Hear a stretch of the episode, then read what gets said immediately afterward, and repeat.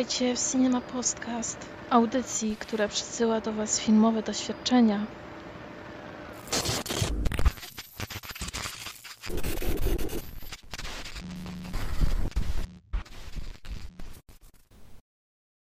Witajcie w Cinema Postkaście. Z tej strony Adrian z blogu Krew z Oczu, reprezentant pełnej sali. Jak wiecie, przez ostatni tydzień nagrywałem dzień w dzień podcasty jako dziennik e, Cinema Podcastu z Nowych Horyzontów. Tam z Grześkiem opowiadaliśmy o tym, jak wygląda wydarzenie, recenzowaliśmy filmy, które tam widzieliśmy i opisywaliśmy atmosferę. Teraz, e, gdy wracamy już do cotygodniowej formy, mam nadzieję, że to zmęczenie tym podcastingiem odejdzie, bo jednak w ostatnich podcastach widać było, że jesteśmy już styrani, e, totalnie, totalnie skatowani tym, że musimy nawijać codziennie, e, dzień w dzień i plątały nam się słowa, powtarzaliśmy się za bardzo, no też nie montowaliśmy tych e, podcastów. Ale wyszło to dobrze, jesteśmy dumni. E, pełna sala jest nas dumna i przesyła nam, przesyła nam słowa wsparcia za, za taką inicjatywę. Więc e, tym bardziej to rokuję, że pojawią się na przyszłości takie podcasty. W najbliższym czasie myślę nad, e, nad tym, gdy będę relacjonował Splat Film Horror Festival. E, zobaczymy jak się uda, ale jesteśmy pełni nadziei na lepszą przyszłość, tak? Naszego podcastu. E, podobno znalazło się więcej słuchaczy, więc podcast się rozwija. A tymczasem w naszym regularnym odcinku będziemy omawiać e, coś jak zwykle nietypowego. Co prawda, dzisiaj miał poleci, miała polecieć recenzja filmu, który jest blockbusterem, jest hitem. Miała polecieć recenzja najnowszej Mrocznej Wieży. Ja jako fan książki zamierzałem wybrać się w drodze między festiwalem e, Nowe Horyzonty, a festiwalem Letnia Akademia Filmowa w Zwierzyńcu. Jeszcze do kina, zasiąść w fotelu jakiegoś multiplexu, obejrzeć na dużym ekranie e, właśnie Mroczną Wieżę. Niestety nie mam czasu, nie mam czasu dzisiaj, e, żeby zebrać się, żeby czekać na południe, bo seanse lecą dopiero po południu i e, obejrzeć to i jeszcze, jeszcze e, nagrać podcast, a potem jeszcze odebrać sa- swój samochód z naprawy, bo e, no niestety, niestety troszkę, troszkę się psuje już w ostatnich dniach. E, więc postanowiłem opowiedzieć Wam o czymś, co ostatnio oglądałem, co ostatnio zwróciło moją uwagę, bo jest bardzo nietypowe i opowiedzieć Wam o nurcie, e, o którym pewnie nie słyszeliście i pewnie niewiele osób usłyszy, choćby z, tego, z tej racji, że filmy z tego nurtu e, są nawet niedostępne na Filmwebie, nie można ich ocenić z tego co widzę, tylko jeden e, jest i to ze złą datą.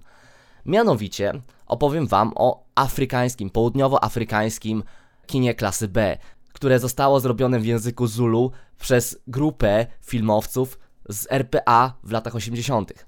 No coś e, niebywałego, coś co, czego w kinie się nie spotyka na co dzień, ale serwis Mubi, serwis Mubi, który jest e, świetnym serwisem, znajdującym właśnie takie perełki, zajmującym się głównie kinem arthouse'owym, ale również szukającym różnego e, kina. Nieważne, czy jest ono gatunkowe, czy jest ono jakieś efekciarskie, kampowe. Ważne, żeby było po prostu takie niedostępne, takie właśnie, które chcielibyśmy zawsze zobaczyć, a nigdzie nie można go zdobyć. I serwis Mubi udostępnił trzy filmy Toniego van der Merwa. Osoby, która zorganizowała się w e, latach osi- 80. i nagrała. Nagrała mnóstwo filmów akcji, filmów właśnie beklasowych, westerny, kino gangsterskie, haste movies, e, filmy o ucieczce z więzienia. Takie rzeczy nagrywała je po amatorsku z grupą znajomych i sprawiała, że kinematografia w RPA wreszcie miała również swoje hity, swoje blockbustery. Swoje tanie, ale jednak kino, które zapewniało rozrywkę tamtejszej młodzieży, tamtejszym dorosłym, którzy chcieli się wyluzować po pracy. Tony van der Merw e, nakręcił sporo tych filmów, sporo nakręcił. Serwis Mubi udostępnił e, trzy z nich. Wszystkie te trzy filmy omówię. Opowiem mniej więcej również o tym, jak wygląda obsada, jak wygląda wkręcenie takiego filmu. Nie wiem tego dokładnie z planu, tak? Ale już po samym wyglądzie tych filmów można się dowiedzieć, jak to mniej więcej e, wszystko przebiegało. Omówię pokrótce każdy z tych filmów. Ty ich tytuły to: pierwszy to Rich Girl z 85 roku, drugi Fishy Stones z 85 roku również, a trzeci to uwaga Umbango, południowoafrykański western.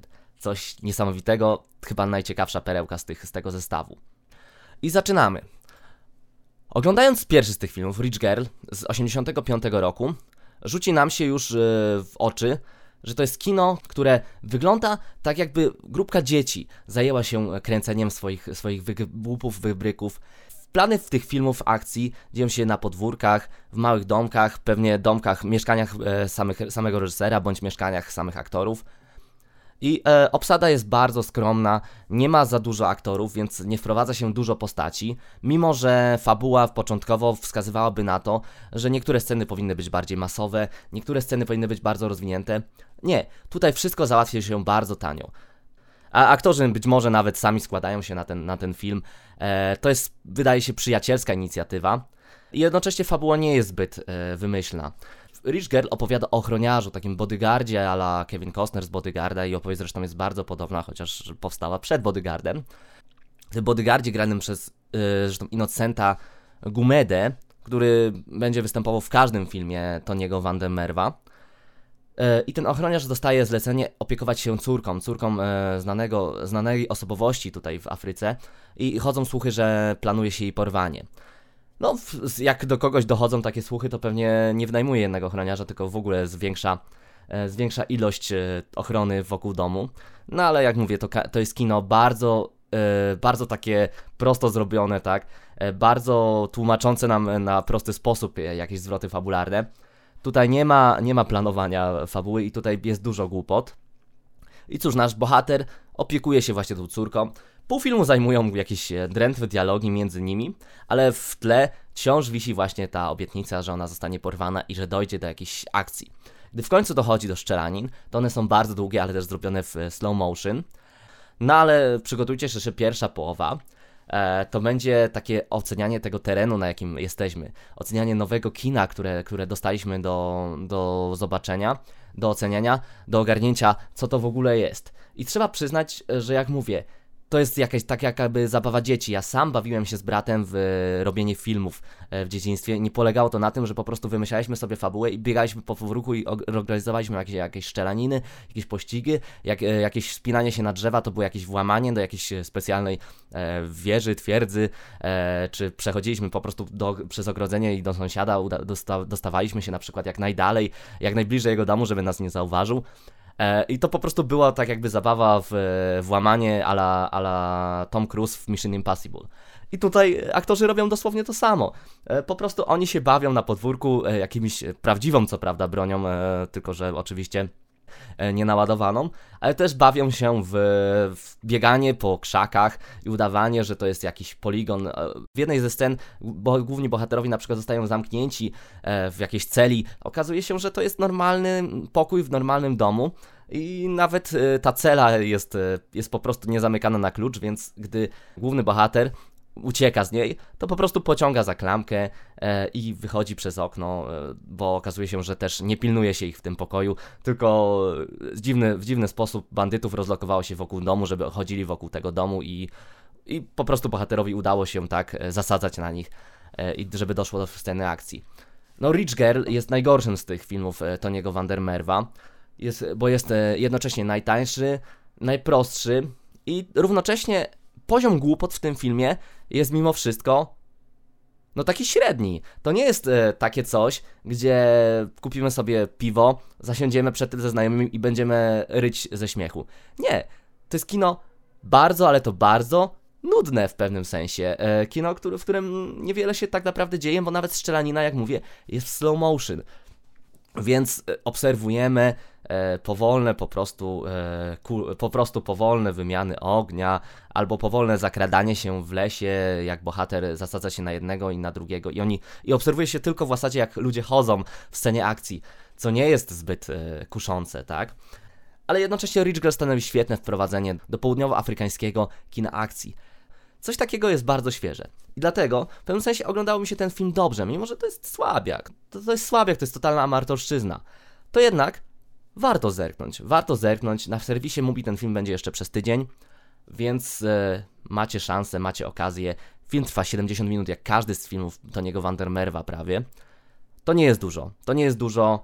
Chociaż, chociaż yy, też zaczynać od tego, no nie do końca polecam. Macie też inne okazje, żeby poznać lepszą twarz Toniego Vandermerwa i zaraz opowiem o kolejnych właśnie mm, tych wcieleniach. Fishy Stones z tego samego roku jest lepszym filmem. Fishy Stones e, to jest haste movie, w zasadzie z samego początku. e, zaskakuje bardzo realizacją już na samym początku. E, kiedy Rich Girl, jak mówię, działo się na podwórkach, działo się normalnie w domach, on, te domy udawały niby jakieś twierdze gangsterów, a tak naprawdę, tak naprawdę były po prostu zwykłym małym budynkiem mieszkalnym. Fishy Stones zaczyna się od napadu, który no, niewiele różni się od tego, co inscenizowali w Rich Girl. Tutaj też y, bohaterowie, jest dwóch y, złodziei, Oczywiście Innocent e, Gumade, Gumede gra głównego bohatera, tym razem złą postać, ale tutaj złe postaci są w centrum, w centrum całego filmu, co jest ciekawe. I oni napadają rzekomo na jubilera, który wygląda jak jakiś spożywczak, ale gdy już siadają do samochodu, zaczynają uciekać. I zaczyna gonić za nimi policja. I tutaj jest chyba najlepsza scena akcji, a na, na, nawet najlepiej zrobiona scena akcji w całych tych, z tych trzech filmów. Mamy pościg samochodowy. Pościg samochodowy, który w żaden sposób e, samochody nie zbliżają się za bardzo do siebie. Polega też na tym, że e, bohaterowie oszczeliwują się z tych samochodów, jadąc w jakimś dystansie, ale jednocześnie udało się poczuć tą prędkość, którą, e, którą oni udało im się po prostu osiągnąć na tych, na tych drogach. I tutaj już mamy w kino, które jest znacznie dynamiczniejsze, na, przynajmniej na samym początku. Gdy zaczyna się to wszystkie od 10-minutowego pościgu samochodowego, no to, to musiało robić wrażenie na krajanach e, w RPA, e, którzy zobaczyli to w kinie właśnie w tamtym roku. Zobaczyli, że można zrealizować tak dynamiczną rzecz w kinie tego typu za żadne pieniądze to jest jednak przemyślana scena akcji. A potem wszystko się zawala, potem nasi bohaterowie jednak trafiają do więzienia, ukrywają swoje diamenty gdzieś w lesie i znajduje je dwóch okolicznych chłopaków, którzy wybrali się akurat nad wyjazd e, pod namiot do środka lasu. I wszystko zmienia się jednak dalej w powolne takie kino dialogu, które obserwuje się jednocześnie troszkę z zażenowaniem, ale troszkę jednak z fascynacją, bo dalej, dalej mamy tych samych aktorów, dalej obserwuje się to e, równocześnie z takim podziwem, że reżyserowi udało się zebrać grupkę znajomych, to wciąż są ci sami ludzie, którzy grają w tym filmie, oni wciąż mają z tego dużo zabawy i ta zabawa jakoś przechodzi na nas. Jednocześnie to jest film, e, to jest film o tym, jak e, tak gangsterzy uciekają z więzienia i próbują od, odzyskać diamenty, a dwóch chłopaków, którzy, młodych chłopaków, którzy przypadkiem je znaleźli, muszą się bronić przed tymi gangsterami. No starcie wygląda mniej e, ciekawie niż to się, na to się zapowiada. E, głównie dlatego, że ci dwaj gangsterzy, którzy ukradli e, te diamenty, którym udało się zrobić e, ciekawy, ciekawy napad, to nie są jednak dwójką przygłupów i ten film kładzie za bardzo nacisk na relacje między tymi gangsterami, a w zasadzie na ich słowne przekomarzanki, które czasami po polegają na pięciominutowych, wyobraźcie sobie to, e, takich właśnie wymianach zdań typu jesteś głupi, nie, to ty jesteś głupszy, nie, nie, jesteś bardzo głupszy ode mnie, e, ale ty jesteś najgłupszy, nie, przed chwilą powiedziałem, że ty jesteś głupi. Tutaj improwizuję taki dialog, ale po prostu tak odzywają się do siebie bohaterowie e, i czasami naprawdę można dostać białej gorączki, gdy obserwuje się te wszystkie ich wymiany zdań, które miały być komicznymi scenami w zamierzeniu, a tak naprawdę są jedynie żałosne. I ten film miał potencjał, żeby być e, fajnym filmem akcji. Zaczął się od dynamicznego pościgu, a kończy się już nieciekawie. Eee, idzie za bardzo w stronę komedii, takiej właśnie głupkowatej. I wciąż jest lepszym filmem niż Rich Girl, bo nie tak nudnym, bo jednak coś się w tym filmie dzieje, a jednocześnie wciąż jest filmem, który musicie oglądać przy piwie. E, musicie oglądać ze znajomymi. Mm, trudno będzie wam go oglądać na poważnie. Natomiast wszystko zmienia się e, przy ostatnim filmie, który omówię, przy Umbango. Umbango to jest jedyny film z tego przeglądu Toniego Vandermerwa, który wam absolutnie polecam. E, dlatego, że jest filmem, który spokojnie mógłby wyjść u nas na VHS-ie e, jako kino klasy B. I ludzie by to wypożyczali, ludzie by się nie zdziwili. Dlatego, że poziom filmów akcji z lat 80., e, takich, takich bardzo beklasowych filmów akcji z lat 80., które wypuszczali Amerykanie, nie, nie różni się za bardzo od Mango.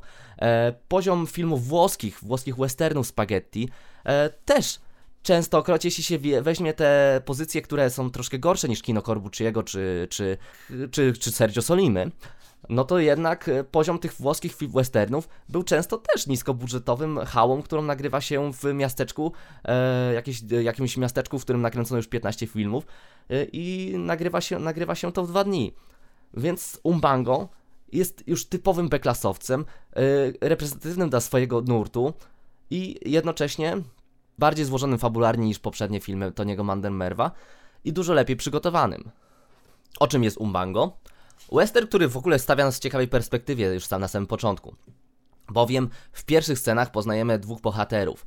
Jeden jest e, żonnym zemsty wędrowcem, który chce przyjechać do nowego miasteczka, a drugim jest po prostu taki wagabudak i razem umawiają się, że będą podróżować. To jest fajne, fajne, bo przewrotne, bo myślimy, że to będą główni bohaterowie i myślimy, że to będą bohaterowie pozytywni w tym filmie.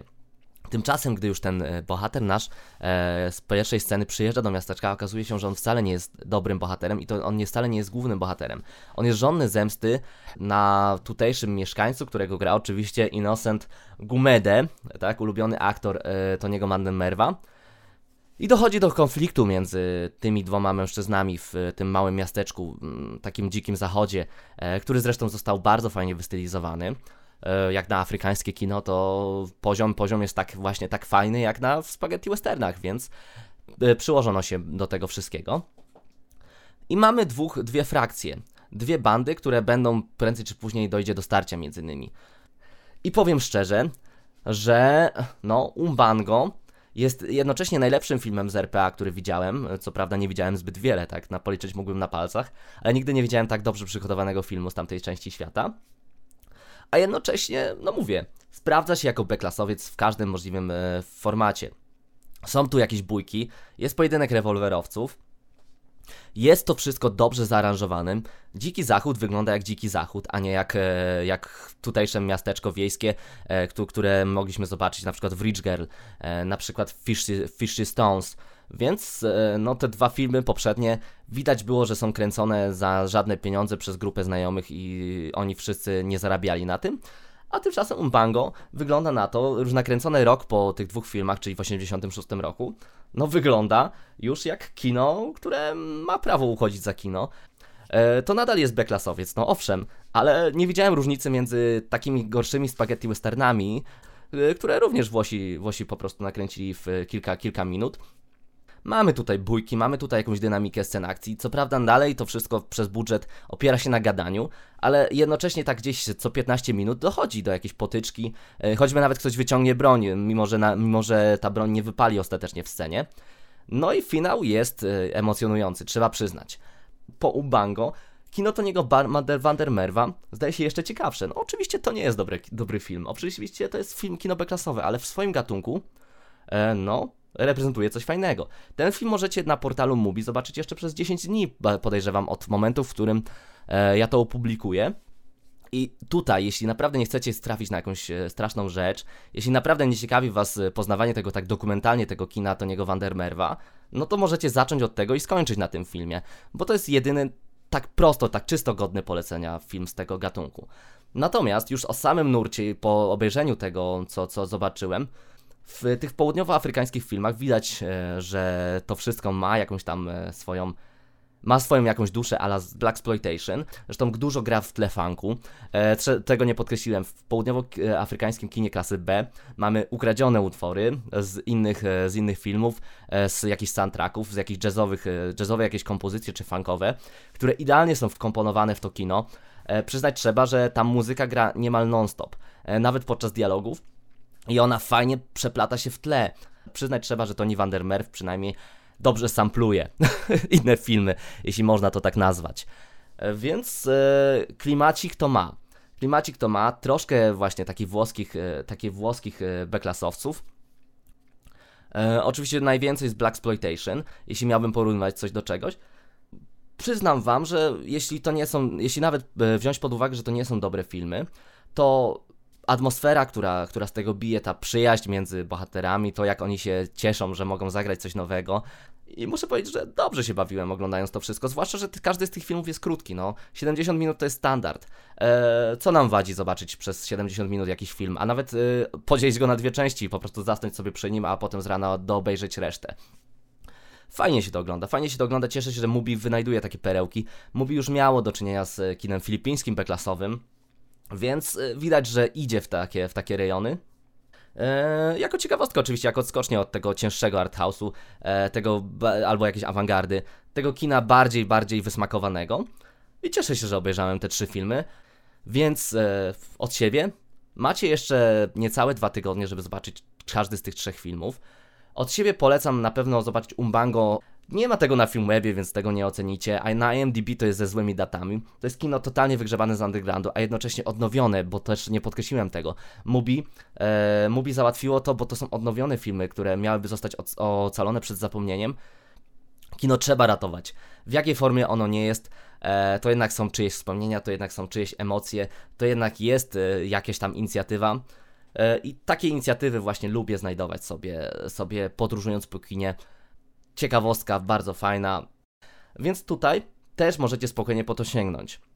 E, Rich Girl jest nudne, ale, ale pomaga nam się rozeznać w tym świecie. Fishy Stones jest absolutnie złe, ale tutaj już spokojnie możecie zaprosić znajomych, obejrzeć to przy piwie z nimi. E, będzie myślę zabawnie. A Ubango tymczasem no jest równe, równe temu wszystkiemu, co oglądaliśmy z wypiekami na kasetach VHS w latach 80., e, pod koniec lat 80. i oczywiście na początku 90. Spokojnie możecie sięgnąć z sentymentem, niekoniecznie na trzeźwo, z dystansem.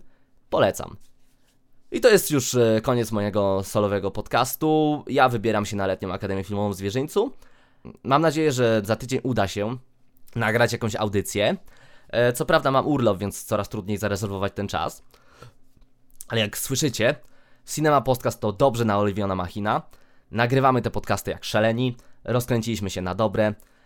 Także oczekujcie od nas kolejnych podcastów. Prawdopodobnie gdzieś w najbliższym czasie również podsumujemy, nowe horyzonty.